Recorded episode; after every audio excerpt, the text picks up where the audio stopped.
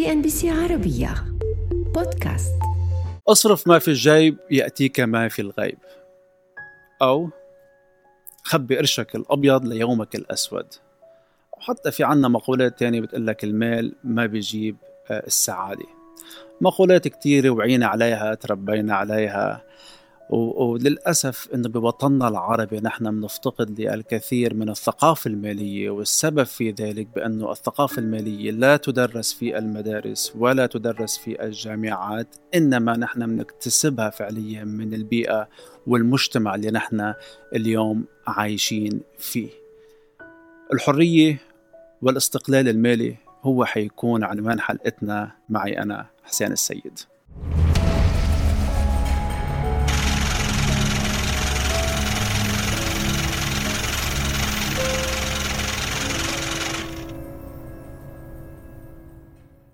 مرة بواحدة من المحاضرات اللي كنت عم بجريها حول استراتيجية الاستثمار وكان في عنا عدد حضور بحوالي 70 80 شخص تقريبا من فئات مختلفة من أعمار مختلفة. سألت السؤال اللي هو شو علاقتك مع المال؟ للحاضرين. وصرت أتجول بيناتهم وآخذ الإجابات بشكل منفرد. الملاحظ كان بهذا الحديث هو إنه معظم الأشخاص إن كان معها مئات الآلاف من الدولارات أو الملايين الدولارات أو حتى عليها ديون كانت الإجابة تقريبا وحدة بنسبة أكثر من 95% هو أنه في عنا خوف مع تعاملنا مع المال اليوم الحرية المالية نحن كيف منعرفها؟ منعرفها على أساس أنه أنا آه، ما عاد بدي أعتمد على الوظيفة بدي أتحرر من هيدي الوظيفة ويكون في عندي مدخول تاني يقدر يوفر لي حياة كريمة دون الحاجة للذهاب كل يوم إلى العمل من الساعة 8 لل 6 الصبح. طبعا هذا المفهوم منه خاطئ مفهوم صحيح ولكن بيفتقد لشيء مهم جدا. الحرية المالية هي لما أنت ما تكون محكوم بقراراتك المالية بالعالم اللي حواليك. شو معناتها؟ معناتها إذا أنا اليوم بركب سيارة السيارة لا بأس بها جيدة وأنا قرر أنه والله بعد سنة لأنه أنا جاييني زودي بالراتب بدي أروح أشتري السيارة الرانج روفر أو سيارة ال G-Class أو سيارة الفراري أو أنا اليوم ساكن بمنزل كافيني وجيد ومنطقة جميلة ولكن أنا عندي هدف أنه بعد خمس سنين لازم أنتقل لمنزل أكبر. وشو السبب؟ مش لأنه أنا اليوم عائلتي أكبر أو بحاجة لمنزل أكبر ولكن ليش فلان اليوم ساكن هون وأنا ما في اسكن بنفس المكان؟ أو ليش فلان اللي عم بيسوق هيدي السيارة أنا ما في سوق هيدي السيارة؟ أو مثلا فينا حتى نعطي آه عن عن آه المشتريات وخصوصا عند النساء. مثلا بدها تشتري شنطة الشانيل لأنه رفقاتها اليوم آه كل وحدة عندها شنطة لوي فيتون أو شنطة آه الجوتشي أو أي من هيدي ال brands. وفعليا هي ما عم تشتري هيدي يمكن المنتج لأنه هي بترغب فيه إنما عم تشتري لإدهاش آه زملائها ورفيقاتها. وربما هي أساسا يعني ما بتحب هيدي الأشخاص فأنت عم تشتري شيء وبتتكلف عليه مبالغ كتير طائلة لحتى تدهش أشخاص أصلا أنت ما بتحبيهم. البعض بيعتقد إنه أنا اليوم كل ما ارتفع راتبي كل ما بإمكاني إنه أشتري أمور أكثر وكل ما في حتى أدخر أكثر ولكن طالما إنك أنت محكوم ماليا وبقراراتك المالية باللي عم بتشوفه حواليك واللي عم بتشوفه على ال social media الإنستغرام والتيك توك والإعلانات الاستهلاكية اللي أيضا هي مفروضة عليك طالما إنك ما رح تقدر أساسا تدخر شيء بل بالعكس حتزيد ديونك. فإذا بس تتحرر من هيدي الأفكار بتكون هي خطوتك الأولى للحرية والاستقلال المالي. بأول حلقة تحدثنا عن كيف تبدأ بعالمك الاستثماري ولكن قلنا إنه في عندك شروط لازم تلتزم فيها ومنها إنه يكون متخلص من الدين ما يكون في عليك أنت ديون وعندك صندوق للطوارئ اللي هو بيقدر يكفيك حوالي ست شهور تقريبا لتقدر تعيش منه. بحال فقدت وظيفتك أو تركت وظيفتك أو لأمور خارجة عن الإرادة. وأول خطوة للتخلص من الدين هو عدم أخذ المزيد من الدين بكل بساطة. البعض واللي خصوصا عنده أكثر آه، من قرض آه، بنكي أو أكثر من دين بينظر إنه أنا خليني آخذ قرض كبير وغطي كل هيدي القروض اللي عندي إياها وبصير أدفع فقط لقرض واحد. منطقيا آه، سياسي لا بأس بها. ولكن فعليا آه، أنت عم بتأثر عندك على ال credit score يمكن تحتاج وقت كتير كبير لحتى تقدر تسكر هذا القرض. ويمكن ما يكون في عندك دافع إنك تسرع ب آه، انهاء هذا القرض وفي عندنا الأسلوب الثاني واللي هو الانهيار الثلجي أو ال avalanche واللي هو أنا برتب ديوني بحسب وين في عندي قرض أو دين عليه أنا مستويات فائدة أعلى. بحاول إنه أدفع آه القسط الشهري على كل الديون ولكن الدين اللي عليه فائده أعلى بحاول أتخلص منه بأسرع وقت ممكن.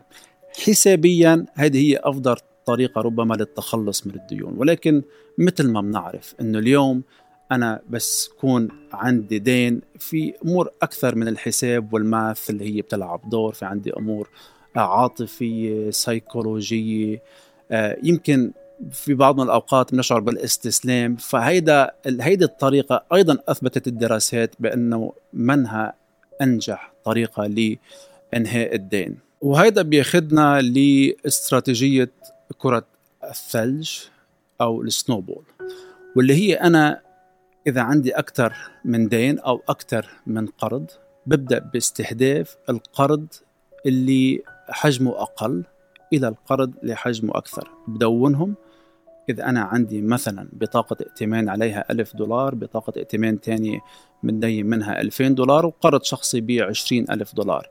ببدأ فعليا بالمبلغ الأقل وبحاول أني أنتهي منه وبرجع بعيد هيدي الاستراتيجية لأنتهي من كل الدين. وفعليا هيدي هي الاستراتيجية اللي أثبتت الدراسات بأنه هي الأنجح بالتخلص من الدين لأنه هيدي الاستراتيجية بتعطينا أمل بتعطينا اندفاع وكل ما أخلص من دين بعرف حالي أنه أنا اقتربت بشكل أكبر من الهدف واللي هو أنه أنا أعيش من دون ديون. وطبعا بكون عم بحارب عدو الأول واللي هو الدين. أما عن حساب أو صندوق الطوارئ الامرجنسي فند فمن الممكن أنه أنا أبدأ فيه من بعد ما أنتهي من هيدي الديون. أو حتى خلال نفس هيدي الفترة اللي أنا عم سدد فيها الدين وأنا بفضل أنه خلال نفس هيدي الفترة. طبعا هذا الصندوق هو اللي حيحميني من الدين إنه ارجع أنا راكم ديون علي. إذا أنا قررت إنه أترك وظيفتي ما راح أعتل هم أنا اليوم كيف بدي آكل وأشرب كيف بدي أصرف على العائله كيف بدي أدفع أقساط البيت أو كيف بدي أدفع آه، أقساط المدارس. في أجمل من هيك حرية. أما بالنسبة للخطوة الثالثة فهي الادخار. والاستثمار وخصوصا لو كانت بشكل منهجي. هون أنت أموالك حتكون عم تعمل لصالحك هي اللي عم تعطيك مدخول إضافي وهي الطريق للحرية والاستقلال المالي اللي أنت عم تبحث عنه. وحتى تحقيق هول الأهداف نحن بحاجة لميزانية. والخطوة الأولى أنك تعرف أموالك كيف عم تصرف. وإذا كنت من الأشخاص اللي ما بحب يدون كل عمليات بقوم فيها بإمكانك أنك تكون كل مصروفاتك عبر debit card أو بطاقة خصم وليس ال credit card ال debit card وآخر شهر شوف أنت بهيدي ال statement وين عم بتروح آه، مدفوعاتك واعتبر حالك إنك أنت اليوم مدير المالي لشركتك واللي هي أنت. وقيم نفسك.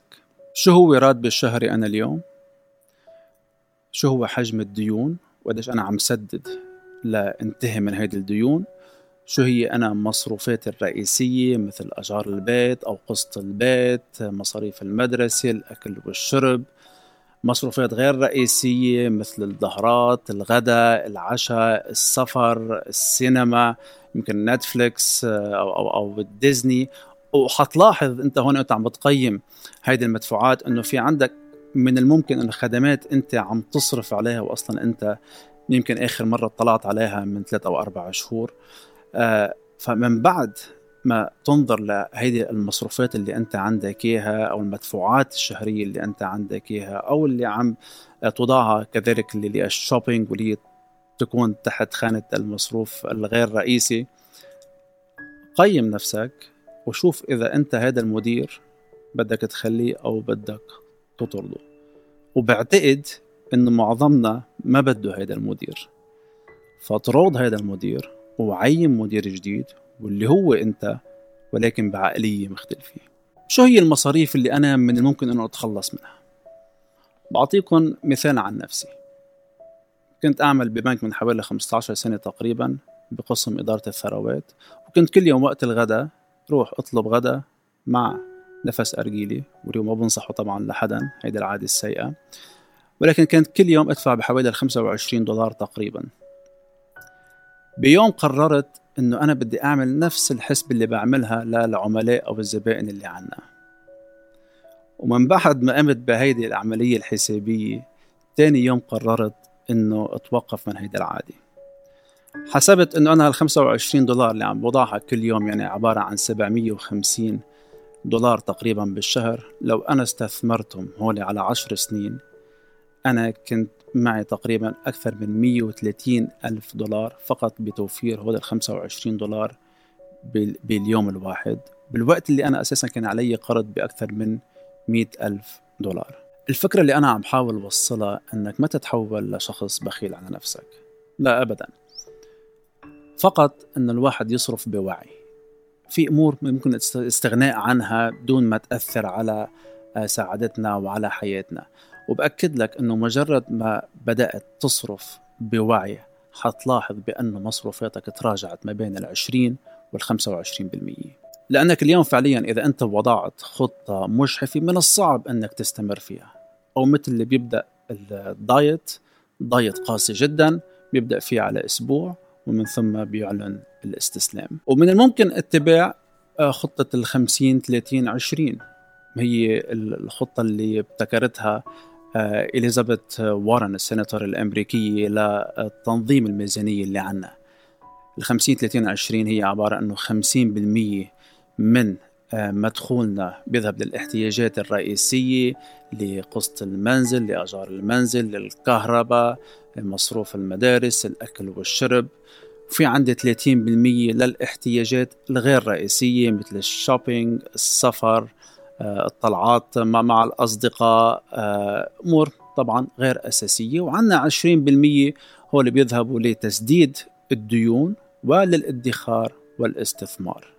هلا ممكن إنه ما تكون هيدي النسب المئوية ملائمه معك لأنه كل شخص طبعا بيختلف وضعه عن الثاني ولكن حاول إنك توضع هيدي الخطة وتطبقها. عدة دراسات اليوم أثبتت بأنه معظم الإنفاق عم بيكون على الأمور المادية أو عبارة عن ال shopping آه، للسلع لإلنا نحن. ونفس هذه الدراسات أيضا أثبتت بأنه آه، هذا النوع من التسوق أو شراء هذه المنتجات فعليا ما لها علاقة في السعادة. ما بتخلينا نصير تعساء ولكن ما بتزيد أيضا درجة السعادة اللي عنا إياها. إنما عطاء المال أوقات بيجلب المزيد من السعادة. تبرع لجمعيات مساعدة شخص بمسألة ما هذا الشيء بيجيب السعادة. أو حتى الإنفاق على التجارب. إنه نطلع ski نتسلق جبال نط من الباراشوت.